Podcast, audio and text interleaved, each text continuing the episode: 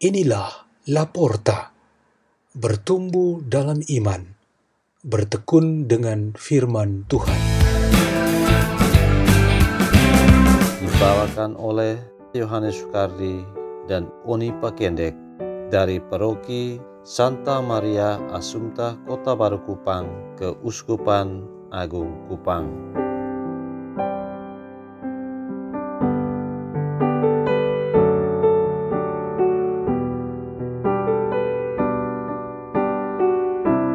Bacaan dan Renungan Sabda Tuhan Hari Sabtu Pekan Biasa ke-23 11 September 2021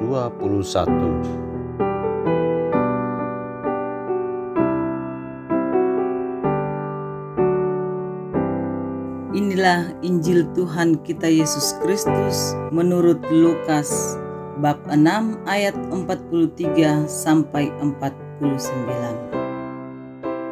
Yesus menyampaikan wejangan ini kepada murid-muridnya. Tidak ada pohon baik yang menghasilkan buah yang tidak baik, dan tidak ada pohon yang tidak baik yang menghasilkan buah yang baik. Sebab setiap pohon dikenal dari buahnya, karena dari semak duri orang tidak memetik buah arah, dan dari duri-duri orang tidak memetik buah anggur. Orang yang baik mengeluarkan barang yang baik dari perbendaharaan hatinya yang baik. Tetapi orang jahat mengeluarkan barang yang jahat dari perbendaharaan hatinya yang jahat. Sebab yang diucapkan mulut meluap dari hati. Mengapa kalian berseru kepadaku? Tuhan, Tuhan. Padahal kalian tidak melakukan apa yang kukatakan. Setiap orang yang datang kepadaku dan mendengarkan sabdaku serta melakukannya. Aku menyatakan dengan siapa ia dapat disamakan. Dia itu sama dengan orang yang mendirikan rumah. Ia menggali dalam-dalam dan meletakkan dasarnya di atas batu. Ketika datang air bah dan banjir melanda rumah itu, rumah itu tidak dapat digoyahkan karena dibangun dengan kokoh. Sebaliknya, barang siapa mendengar perkataanku tetapi tidak melakukannya, ia sama dengan orang yang mendirikan rumah di atas tanah tanpa dasar. Ketika dilanda banjir, rumah itu segera roboh dan hebatlah kerusakannya. Demikianlah Injil Tuhan.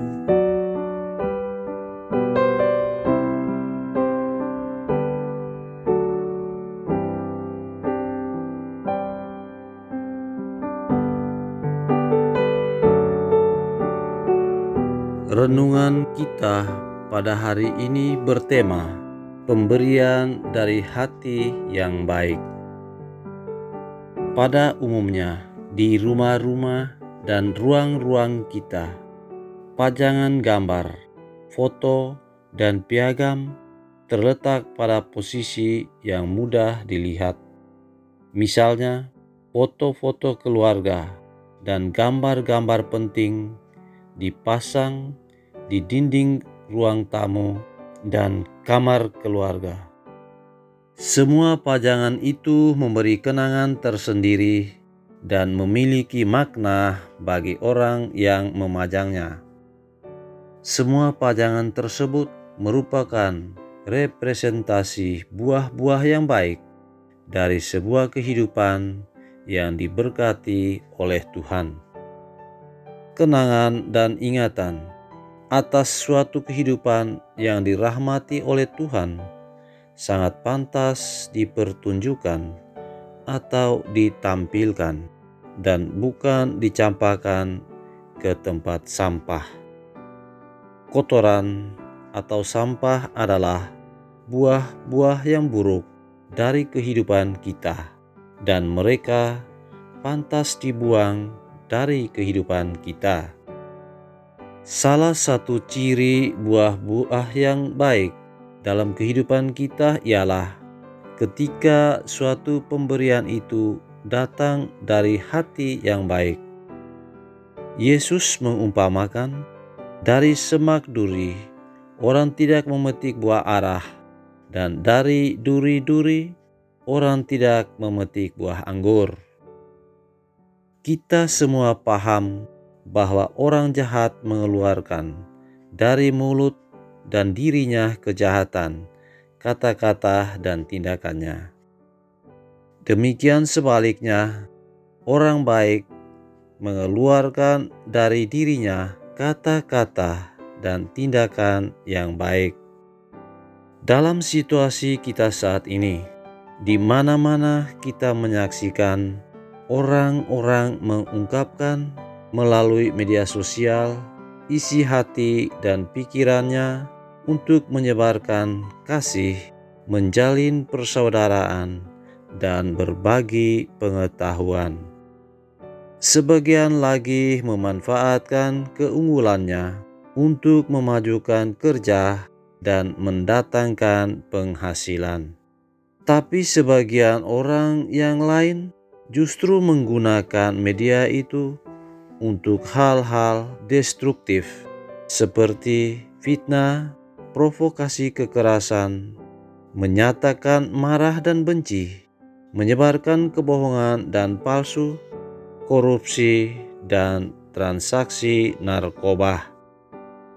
Di dalam media sosial ini, tampak bagi kita mereka yang hatinya marah, benci, iri, dan dengki sehingga memproduksi komunikasi yang jahat. Ini sungguh mengerikan dan menjadi musuh kita bersama saat ini. Kelompok yang lain adalah mereka yang cinta damai dan mau hidup dalam kasih.